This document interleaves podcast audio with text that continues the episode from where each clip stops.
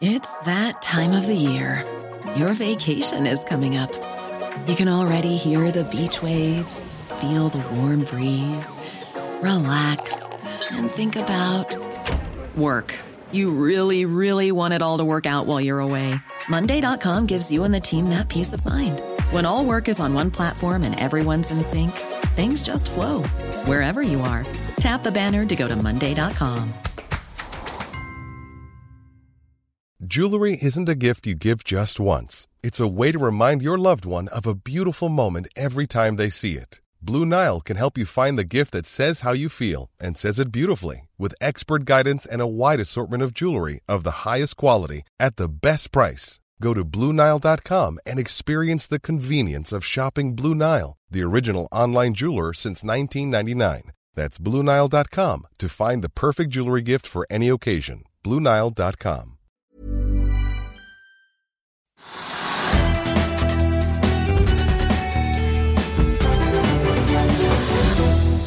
Det er blitt mandag 1. november. Velkommen til Økonominyhetene, der vi både skal høre fra en som prøver seg på oppdrett av kveite, og en annen som vil på børs med masse skip. Men først skal vi ta en titt på noen av de andre børsnyhetene det er verdt å få med seg. For etter en nedgang i forrige uke på 2,04% så stiger hovedindeksen i dag og har holdt seg ganske stabilt opp rundt 1,3 Nordsjøoljen den ligger opp 0,6 til så vidt over 85 dollar fatet, mens den amerikanske lettoljen er opp eh, nesten 2% Det er aksjer som seismikkselskapet TGS, Wow, Nell og oljeselskapet DNO som er med på å løfte hovedindeksen. Apropos olje. Okea går sammen med Oddfjell Ocean Wind og Trønder Energi. hvor altså, Disse tre har signert en intensjonsavtale om å vurdere en flytende vindpark utenfor Draugenfeltet til Okea i Norskehavet. Vindparken kan også fungere som det de kaller et fleksibelt lagringssted for Oddfjells mobile havvindmøller. Ved å produsere fornybar energi mellom kontrakter for såkalte off-grid applications. Okea-aksjen stiger 7% i dag. Ellers får vi ta med at Pyrum Innovation, som arbeider med resirkulering av brukte dekk og eh, plast var opp 20 tidligere i dag. Nå er aksjen opp 12% Det er ingen nyheter fra selskapet, men den tyske aksjebloggen der aksjonær har satt aksjen på sin hotstock-liste, og det kan være med å bidra til den kraftige oppgangen, for det har vi tidligere sett eh, når tyskerne har snakket om bl.a. Nell. Trygve, eh, vi får snakke litt om hva annet som rører seg. Hva har du lagt merke til i dag? Ja, Det er ikke så veldig mye annet enn det du er borti. Altså det som er rimelig klart for meg, det er at eh, oljeprisen at den holder seg nå på 85 dollar fatet, rundt der, det driver markedet. For det, det, skal jo egentlig ikke skje at man ser av de to største selskapene omtrent på Oslo Børs, nemlig da Equinor og Aker BP, begge to har vært opp 3-4 i dag. Det er et kraftig løft. Eh, eh, og når da de er 3-4% så ser vi da også en ganske annen interessant ting, og det er at Aker, som har ligget rundt 800 kroner lenge, Eh, beveger seg, fordi at noen har sagt at Aker eh, er mye mer verdt. Det er ikke bare 800 kroner, men 1100. Det er Pareto som sier det. Og anbefaler aksjen da opp mot 1100 kroner. Det er langt over alle andre. Og hvis da det skulle slå til, at, eh, at Aker-kursen skulle da gå fra 811 kroner til 1100 Bikke tusenlappen, ja. ja da, da, har noen regnet på det, det har ikke jeg giddet å gjøre, men da har noen regnet på og sagt at da, liksom, da er Kjell Inge Røkke 14 milliarder mer verdt. Ja. Så det ligger veldig mye i oljeprisen, veldig mye i Aker BP, veldig mye i Equinor. Og så er det da de selskapene som på en måte følger etter. Okea oppga 5-6% og det er det selskapet som da vår nåværende kunnskapsminister eh, Ole Borten Moe er medeier i. Så det er interessant. Og så ser du at DNO også har vært opp 4-5 i dag. Det at alt som har med olje å gjøre, er opp. Og det er også en del eh, ja, altså det er en del hydrogenaksjer da, med energiaksjer som også da liksom blir med på denne ferden her. slik at En høy oljepris drar med seg veldig mye annet. Og forventninger om da at det skal komme andre selskaper i tillegg til de store oljeselskapene. Og det er sannsynligvis riktig så lenge det er som det er. Og det er, det er jo slik at september og oktober er dårlige aksjemåneder. Når var det en måned hvor da de, de fleste aksjene var opp sånn 3-4 eh, Altså atypisk atferd i, i, markedet for de som tror på det. da. De som tror at liksom måned eller måned eller uke til uke. Og at historien gjentar seg. Det gjør ikke jeg da noe særlig, men, men de sier det at liksom markedet var usedvanlig bra relativt sett sammenlignet med tidligere i september og oktober. Så Summen av alt dette er at vi har en oljedrevet børs med store selskaper, tunge selskaper, store tunge aktører. og så kommer da som du sier, det er også ganske morsomt. Det har jo ikke noe med oljeproduksjon å gjøre, men det har altså resirkulering å gjøre. hvor Tyske aksjonærer skal bli veldig begeistret for et selskap notert i Oslo. Uh, og de har jo en veldig dårlig historikk når det gjelder Nell. Du var, så inne på det, men altså disse tyske aksjonærene de kjøpte jo veldig mye Nell-aksjer. Ja, de sitter jo med masse Det var jo stort store deler av aksjene satt jo på sånn, alle tyske ja, Nordnett, uh, liksom. Ja. ja. Noen sier at halvparten av selskapet eies av nordmenn gjennom da noen kontoer i Tyskland, det er jeg ikke sikker på. Men iallfall så var de helt gærne på Nell og drev kursen opp, og så begynte den å falle, og så har de vært med på nedturen også. Hvis de har også funnet et annet selskap som da driver med resirkulering eller den type selskaper, så er det ganske spennende.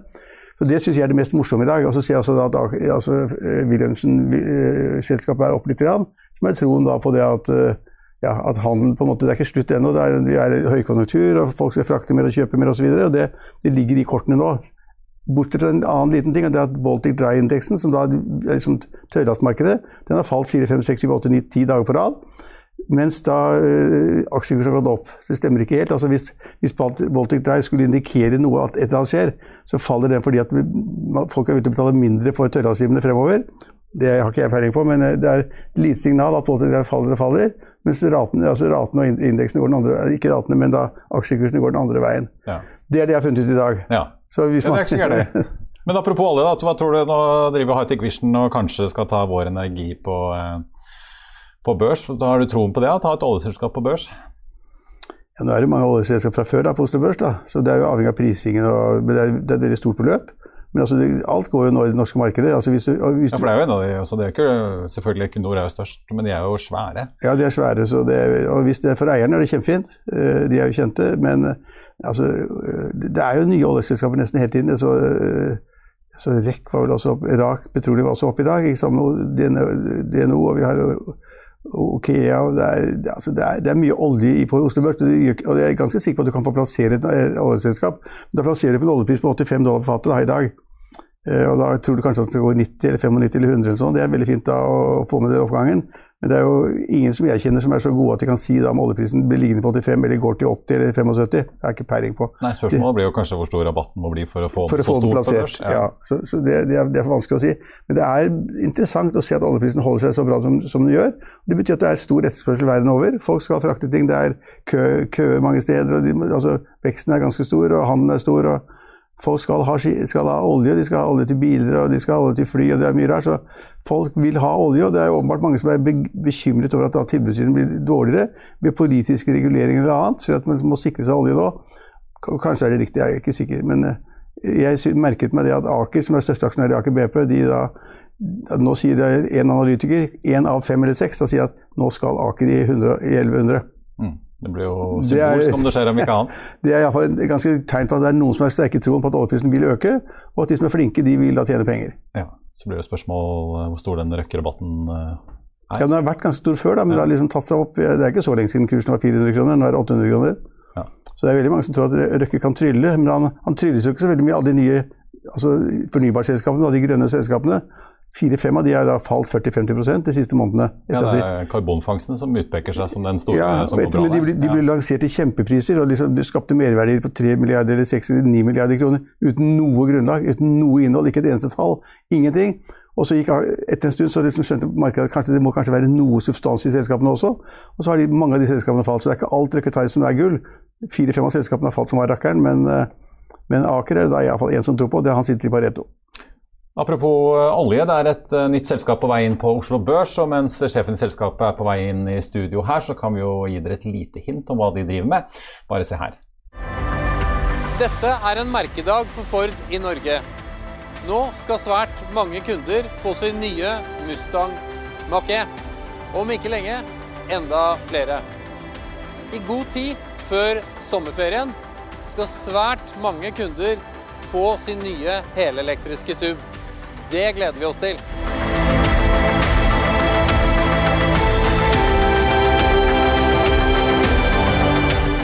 Ja, det er altså bilfrakt vi skal snakke om, men hvor attraktivt, hvor attraktivt er det om dagen? Og hvorfor bør investorene sette pengene sine i akkurat dette selskapet? Det skal vi prøve å få svar på i dag. Velkommen til oss, Georg Wist, konsernsjef i uh, Gram Car Carriers. Tusen takk. Du, Dere har jo en 40 år lang historie, men uh, som vi kunne lese i avisen i dag, uh, her hos oss i Finansavisen, så skal dere på børs? Det skal vi. Det har vi jobbet med over en, en, god stund. Det har vært en strategi selskapet har hatt i mange år, å komme seg på børs. Eh, så nå er tiden riktig. jeg, får si jeg får si litt om timingen. Dere har jo en eh, lang historie. Hvorfor børs akkurat nå? Er det noe i markedet som gjør at dere trykker på gassen? Altså, vi har en uh, veldig fin, sterk, solid aksjonærbase som vi har investert sammen med oss i, i 10-15 år. Og det har vært en strategi hele tiden å gå på børs. Vi var klare, har vært klare en god stund. Så fikk vi en liten uh, sånn detour pga. covid. Men nå er liksom, uh, som Trygve også nevnte, nå er det på vei, og det er fart igjen i, i verdenshandelen. Og er, alle skip er ute og seiler, og det er en tight balanse. Så nå er er det helt opportunt og riktig å ta med nye aksjonærer på denne reisen som akkurat har begynt. Og det har vært. Ja, men, så, nei, disse aksjene, nei, nei, Se på Valenius Wilhelmsen, som har gått ja, Jeg skal bare spørre om det. Ja. Men er det bare henting av penger inn i selskapet, eller er det noen av aksjonærene skal selge seg ut? Nei, vi henter ingen, nei, alle aksjonærene er med videre. Ja, okay. Det er bare primary capital, og vi henter inn penger for å styrke balansen. Det er ingen aksjonærer som liksom gleder seg over at de får 10 millioner på bordet, 15 millioner eller 30 millioner kan gå, altså? Nei, nei, nei, så det er ingenting av det. Og det som er spennende, er at vi blir et sånn dividendeselskap. 50% av overskuddet minst sendes hjem til aksjonærene hvert kvartal i utbytter, starting allerede neste år. Jeg så hva du sa i Finansavisen, men det gjør jo alle, da. Det er ingen som lar være å ikke love 50 Eh, men du må holde det også. du må levere, du må levere, levere resultatene etter det. Ja. Men det er kontrollspørsmålet til Trygve er dette med om noen selger seg ut på veien. skjønner du, For vi har eh, snakket om litt andre børsnoteringer hvor det skjer. Absolutt. Nei, nei, nei. Her er det ingen som selger seg ut. Og det er også flere av våre aksjonærer som også tegner i emisjonen. Så, så det er ingen som kan De skal hente 800 millioner eller noe sånt? Eller? Ja, 100 millioner dollar ekvivalent, da. Ja. Det blir det. 825 eller noe sånt, er det ikke det i dag? Hva skal dere refinansiere butikken? Ja, vi, Det vi gjør, er at vi, vi, vi har etablert et nytt norsk holdingselskap her i Norge, sånn at det er optimalt for, for, for norske investorer og norsk børs. Og så har vi sikret oss eh, en ny stor lånefasilitet med ordentlige shippingbanker. Og vi har også en stor lease, og det sammen med denne egenkapitalen og all den eksisterende alle de eksisterende aksjonærene, får vi da en solid balanse som sikrer den dividenden som jeg så du var litt skeptisk til, men som kommer til å komme neste år. Ja, for Dere, flytter, dere har et selskap i Singapore i dag, men dere skal flytte dette hjem til Norge? Ja, vi har et ja. singaporiansk holdingselskap i dag. Eh, det er eh, gamle historiske grunner, men nå flytter vi alt hjem og lager et skikkelig ASA og tilbake til Norge. Men det, det, det, det er ganske sånn offensivt da, altså å si at god dividendepolitikk, det skjønner jeg. 50 til aksjonærene, det er bra, det, vil markedet ha. Uh, mange selskaper som har gått den veien. Men, men det sier også, da vi har i Finansavisen der, så sier vi også vi er snille, snille da, vi liksom kjører ganske stort opp til at dere sier at dere skal liksom utbetale 500 millioner de kommende tre årene. Ja. Det, er jo, det, er jo, litt dristig, da. Eh, ja, men vi er altså Jeg si dividende på 50%, altså 50 av overskuddet i dividende, yes. Men å si det skal bli 500 millioner kroner ut av Du kan jo bli hengt ganske bra hvis du ikke leverer 500 millioner på tre år, da. Ja, øh, absolutt. absolutt. Og fremtiden skal man være forsiktig å spå om. Men altså, det markedet vi ser nå, og den det er et marked vi ikke har sett på et par tiår. Altså. alle ting kommer nå sammen, og det har vært negativ flåtevekst. Det var dårlig i fjor, da.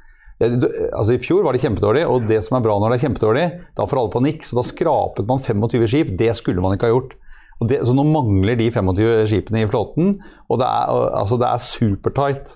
Ja. Eh, det som da eh, skjer nå, er at Eh, disse eh, microchipene, eller mellomlederne eh, ja, halvledere. Halvledere, ja. halvlederne. Ikke mellomlederne, men halvlederne.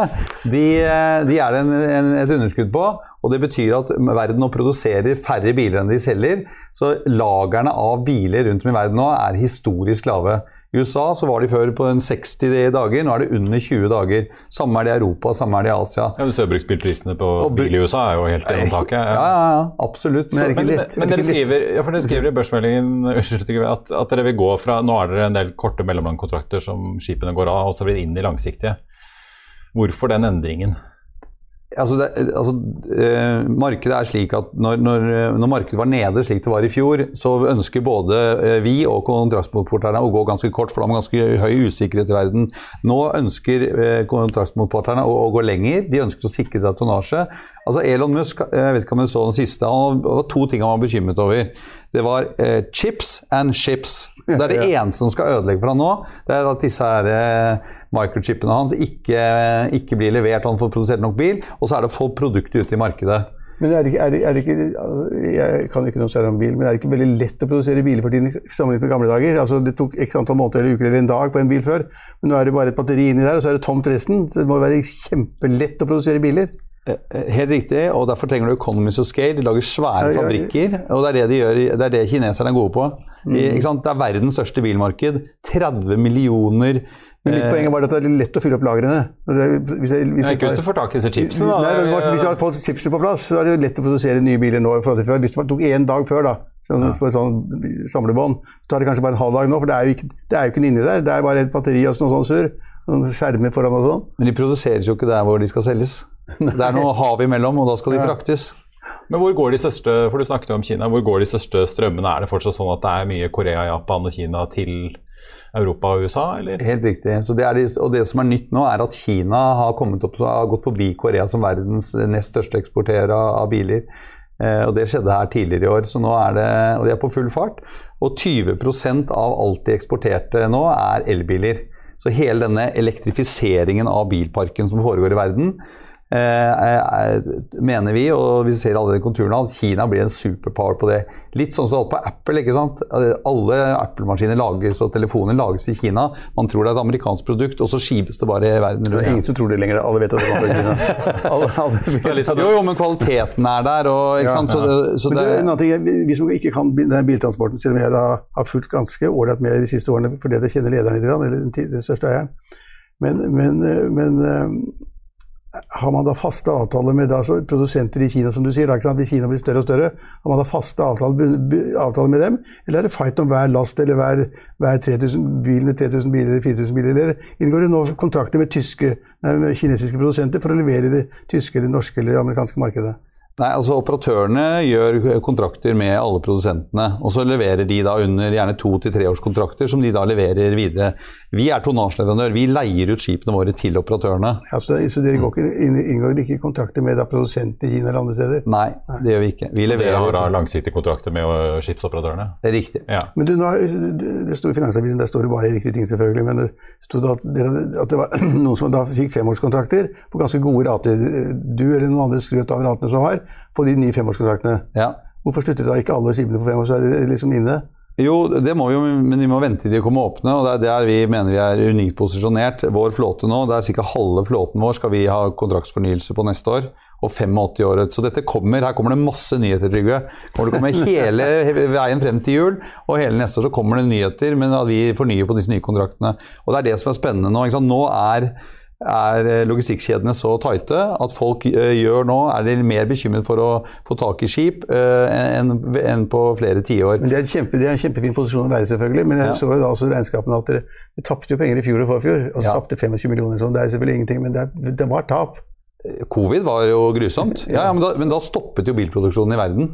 Men Det var stort sett i andre kvartal, og så var vi i gang i tredje-fjerde kvartal. Da ligger bilene låst opp på en kai et eller annet sted, eller i, ja. i opplag? Ja.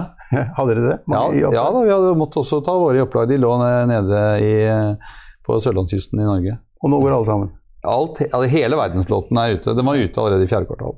Hva er det som er de største konkurrentene deres? Er det Høg og Valenius Wilhelmsen? Nei, de er, de er, mer, eh, den, de er operatører, så de er mer kunder. Så vi leier ut våre skip til dem. Ja. Og så sitter de på kontraktsporteføljer sammen med de tre store japanerne og kinesiske og, eh, ja, og Høg og William, som du sier. Så hvem er konkurrentene andre?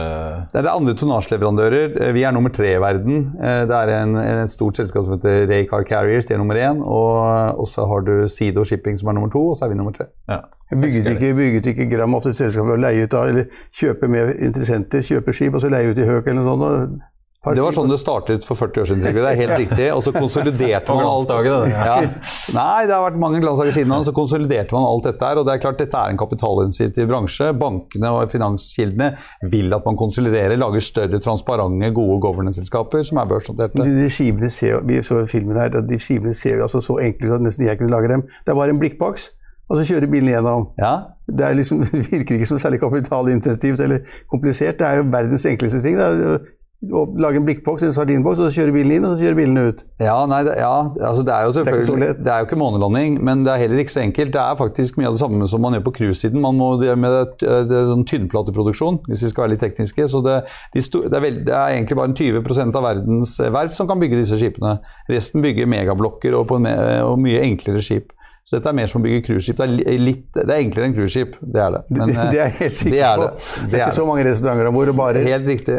Trenger ikke å ta inn så mye mat hver gang vi skal til havn. og sånt. Men jeg vil lure på litt, altså Dere skal jo hente 100-110 millioner dollar, litt avhengig av uh, hvor mye av den ja, ekstra kvoten som ja. brukes. Uh, men dere verdsetter jo selskapet omtrent like mye som dere henter uh, før penger. Det er riktig. Altså, hva, hva, skal dere bruke alle disse pengene på, egentlig? Det er som jeg sier, det vi gjør, at vi, vi, vi tar flåten hjem. Vi refinansierer med, med lån og egenkapital og setter oss opp med en konservativ kapitalstruktur for å være klar til å betale utbytte ja, og være dividend yield. Belåningsgraden egentlig da, gjennom den transaksjonen? Ja, ja, altså Hvis du sammenligner med den gamle strukturen, så gjør vi det. Ja, tar vi ned, ja for det er det disse, den nye egenkapitalen går til? er å få ned Gjeldsgraden, egentlig. Han har sett litt for mye på Herbjørn Hansson. vet du, Låne penger for å betale utbytte. Nei, nei, nei, nei, nei, nei, nei, vi skal tjene penger og betale utbytte. Da håper jeg ikke Herbjørn Hansson ser på nå. for da blir det helt Da får du telefon fra Sandefjord litt senere, Trygve. Eller fra Monaco. Ja, eller fra Monaco, ja, det får vi se. Eller kanskje fra Cayman Islands. Ja. Men eh, hva tror dere fremover, da? Så kan det komme Vi har jo sett liksom De asiatiske produsentene, BMW, har jo satt opp fabrikker i USA, f.eks. Kan det bli liksom over tid mindre transport? At kineserne finner ut at eh, ja, i dag sender vi elbilene våre fra Kina til eh, Europa og kanskje USA, men etter hvert så vil vi heller sette opp fabrikker i Europa og USA og sånn sett på en måte utvanne markedet deres? Eh, altså, vi, det tror vi ikke. Det er ikke de trenden går nå. Trenden går mer å bygge sånne gigafabrikker. Hvis du tar Elon Musk, da, er et godt eksempel. Han starter jo liksom uten noen legacies. Han har liksom én stor fabrikk i California, han har en stor fabrikk i Shanghai. Og nå åpner han Bygger i Tyskland. Ja, åpner hvert øyeblikk i Tyskland. Men de lager jo ikke alle modellene alle steder. For det lønner seg jo ikke. Så du lager jo bare én eller to modeller på hvert sted, og så skiver du resten. Så eh, akkurat nå så produserer jo Shanghai-fabrikken Model X Uh, nei, ikke Model X, unnskyld. Model 3 og Model uh, Y. Ja. Riktig. Model Y og Model 3. Og det skives til Europa alt sammen. Uh, og skal vi ha X-er, så kommer de fra Amerika, og S-er så kommer de fra Amerika. Så det, altså, det er mye billigere å drive unit-kosten ned og spesialisere på hvert enkelt fabrikk og skive rundt. Altså, prising på skivning av bil sammenlignet med sluttproduktet er jo ingenting. Det koster 45 000 for en gjennomsnittlig bil. Så koster det 500-600 dollar å sende en bil verden rundt. Det, koster, altså det, betyr ingenting for sluttproduktet. Og det er derfor ratene også Det er jo egentlig the sky's the limit. Altså Betaler med bilprodusentene 700-800 dollar for en bil, så er det 50 000-60 000 dollar dagen på ratene. Så dette er 50 000 det, ja, det, det, er, dobling, det er dobling. Det er dobling, ja. ja, ja, ja men, men, men, det, viser jo elastisiteten i prisene. Da, ikke sant? Men, men en ting jeg lurte på, også, så vidt jeg vet, så da Gram da han bygget opp dette her, da, 40 år tilbake i tid, da, kanskje 30, så leide han ut skip til Høk eller andre. Og de hadde egne skip også. Ja. Hvis de har egne skip, er det ikke slik at de alltid vil liksom beskjeftige sine egne skip først, og så kommer dere som sånn rest, resttilbyder? Eh, eh, det vil man tro var logisk? Det, helt riktig, det vil man tro er logisk. Men hvis du ser på de største operatørene i verden, eh, Hyundai Glovis f.eks., de er, opererer rundt 90 skip. De eier kun 30 selv, charter inn til enhver tid 60 skip. De store japanerne, NYK, Kayland, Mitsui og SK, de driver 100 pluss skip hver. Charter inn til enhver tid 30-35 skip. Så, så, man lever i en ganske sånn god symbiose sammen med disse her. Etter hvert som de fornyer da sine kontrakter, så kan vi bytte rundt på skip og, og levere skip til de som har, har kontraktene. Så dette fungerer, eh, og har fungert eh, bestandig og fungerer i en god symbiose. Og den symbiosen det skal skape da minst 500 millioner i overskudd de kommende tre årene. Har du aksjer der selv? Selvfølgelig. Bra. Hvor mye? Jeg har eh, en, jeg har en drøy prosent når vi er ferdig. Pre-money har jeg to. Ja, det er bra. Det er god taktikk. Og så har jeg tegnet. Ja.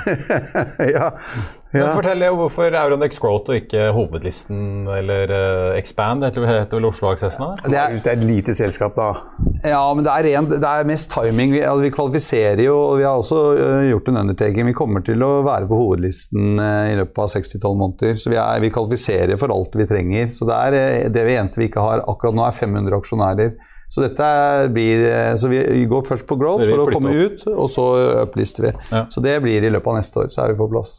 Dere skal i hvert fall eh, prøve å komme dere på børs 22.11, og så er det noen dager til med pengehenting eh, nå frem til 9.11. Absolutt. Ja, lykke til. Tusen takk. Georg Wist, konsernsjef i Gram eh, Car Carriers.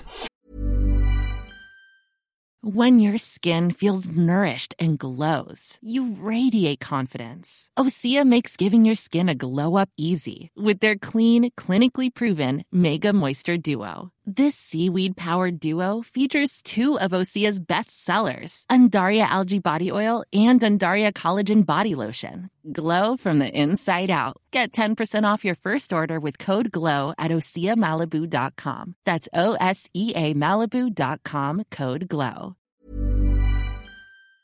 I'll see you in court. Vi sier det ofte litt på spøk, men for deg som driver business, er det aldri moro å innse at du ikke har laget en 100% gyldig kontrakt. Du bør ikke risikere hele firmaet ditt fordi du synes dette med kontrakter er litt stress. En avtale er ikke en avtale. Du kan miste kunder, miste venner, ja, til og med miste inntekter om du ikke lager en skikkelig kontrakt, på alt mulig, egentlig. Men vi vet det er et styr. Kopimaskiner, tregprinter og haugevis av papir. Dessuten stoler vi jo på folk her i landet. Det er ofte litt kleint å skulle be om en signatur for alt mulig, ja, for mye av styret handler også om jakten på underskriften. Det finnes en enkel måte å løse dette på, Dukkobit, en trygg, effektiv og gettis, gratis måte å sikre seg en god natts søvn pluss en juridisk bindende avtale. Dukkobit-appen har de strengeste sikkerhetskrav i bunn, samt en EU-godkjent og sertifisert teknologi. Framover vil det bli behagelig å spørre du, skal vi skrive under på det, eller? Kom i gang på dokobit.no. Nordic Halibut slapp resultatene sine for tredje kvartal i dag, og som navnet tilsier, så prøver de seg på oppdrett av kveite. Aksjen, aksjen lå først stille, men steg etter hvert over 7% på Aeronext Growth. Selskapet vokser kraftig, men taper penger. Vi tok en prat med sjefen litt tidligere i dag for å høre om planene videre. Edvard Henden, administrerende direktør i eh, Nordic Halibut, takk for at eh, du er med oss. Du, dere har sluppet eh, tall i dag, men før vi ser på de, kan, vi, kan du ikke kort fortelle hvem, hvem er dere?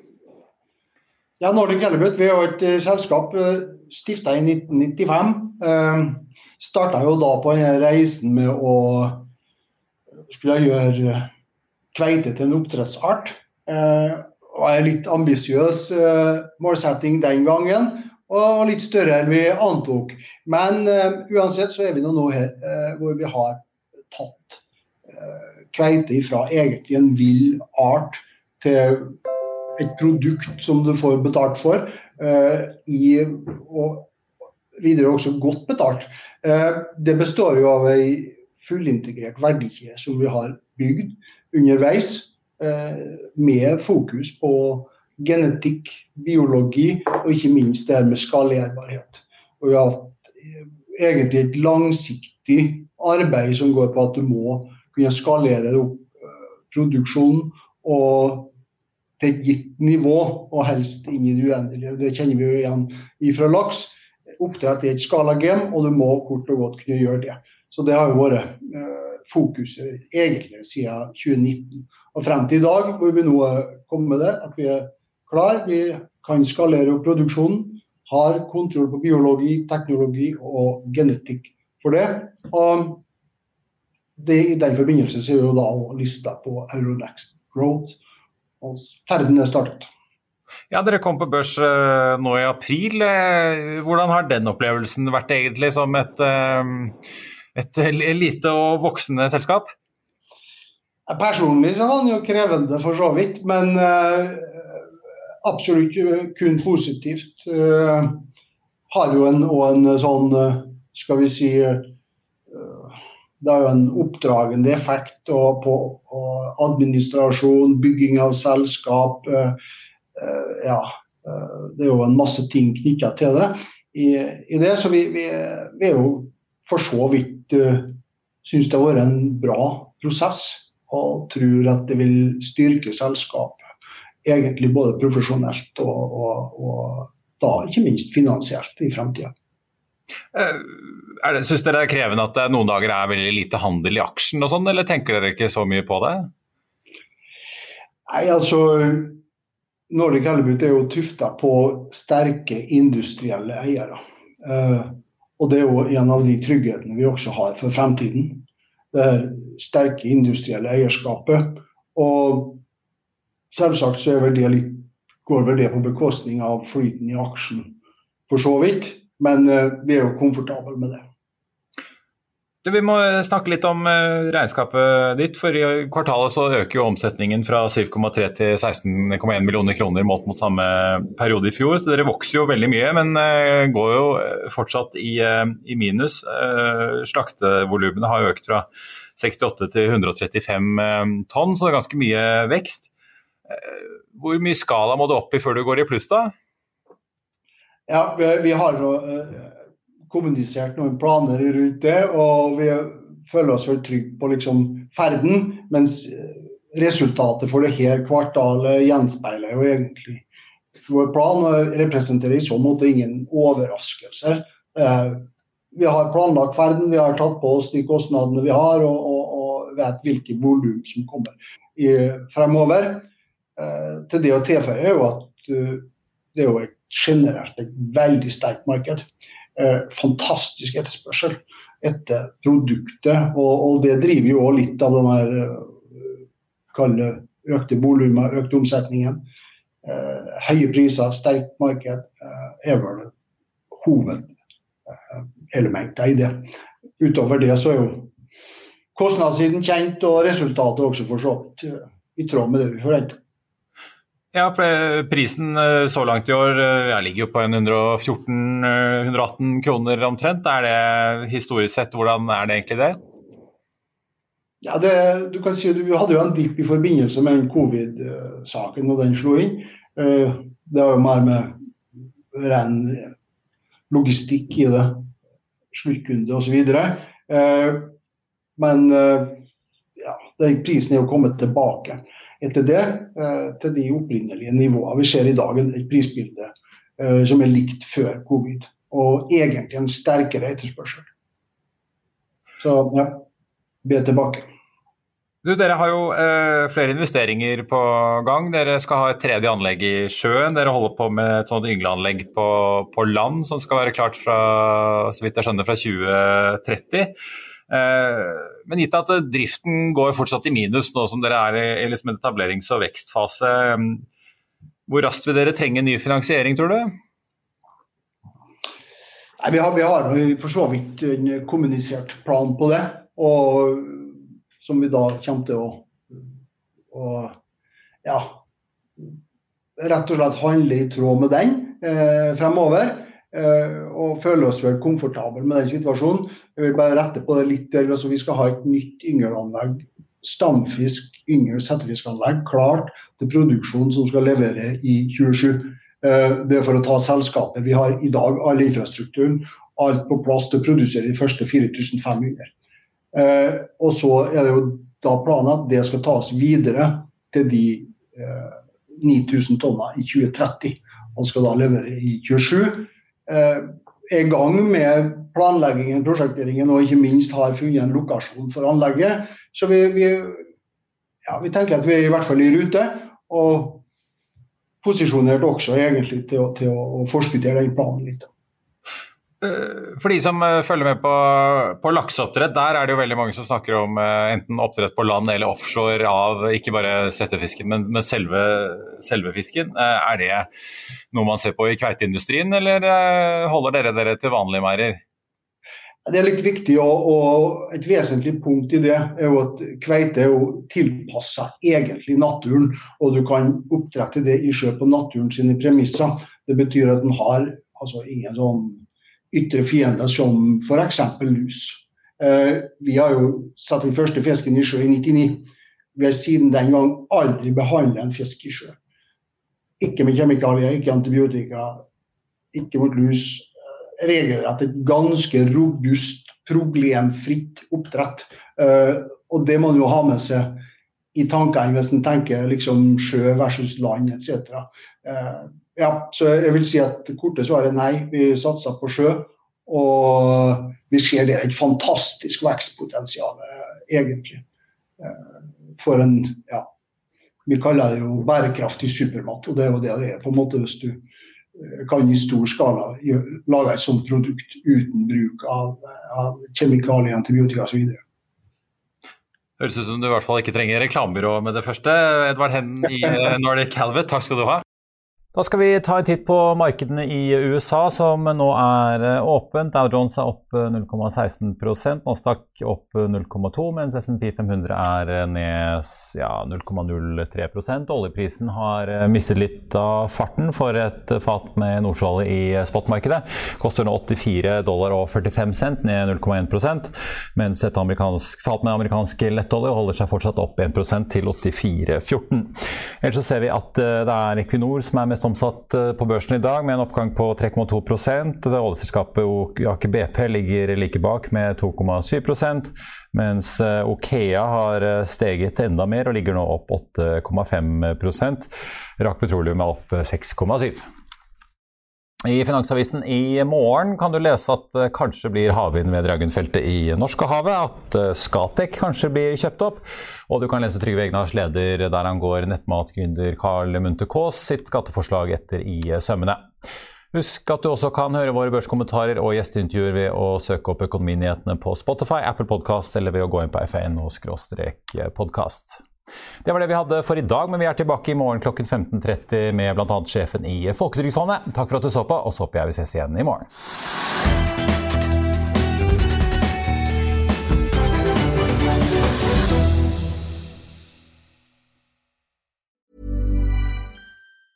Hi, I'm Daniel, founder of Pretty Litter. Did you know cats tend to hide symptoms of sickness and pain? I learned this the hard way after losing my cat, Gingy. So I created Pretty Litter, a health monitoring litter that helps detect early signs of illness by changing colors, saving you money and potentially your cat's life. Pretty Litter is veterinarian developed, and it's the easiest way to keep tabs on your fur baby's health right at home. Go to prettylitter.com and use code ACAST for 20% off your first order and a free cat toy. Terms and conditions apply. See site for details. Even when we're on a budget, we still deserve nice things. Quince is a place to scoop up stunning high end goods for 50 to 80% less than similar brands. They have buttery soft cashmere sweaters starting at $50, luxurious Italian leather bags, and so much more. Plus, Quince only works with factories that use safe, ethical, and responsible manufacturing. Get the high-end goods you'll love without the high price tag with Quince. Go to quince.com/style for free shipping and 365-day returns. This Mother's Day, treat mom to healthy, glowing skin with Osea's limited edition skincare sets. Osea has been making clean, seaweed-infused products for nearly 30 years. Their advanced eye care duo brightens and firms skin around your eyes, while the Golden Glow Body Trio nourishes and smooths skin all over. Go to OSEAMalibu.com and use code MOM for 10% off your first order site wide. Økonominyhetene er en podkast fra Finansavisen. Programledere er Marius Lorentzen, Stein Ove Haugen og Benedikte Storm Bamvik. Produsenter er Lars Brenden Skram og Bashar Johar. Og ansvarlig redaktør er Trygve Hegnar.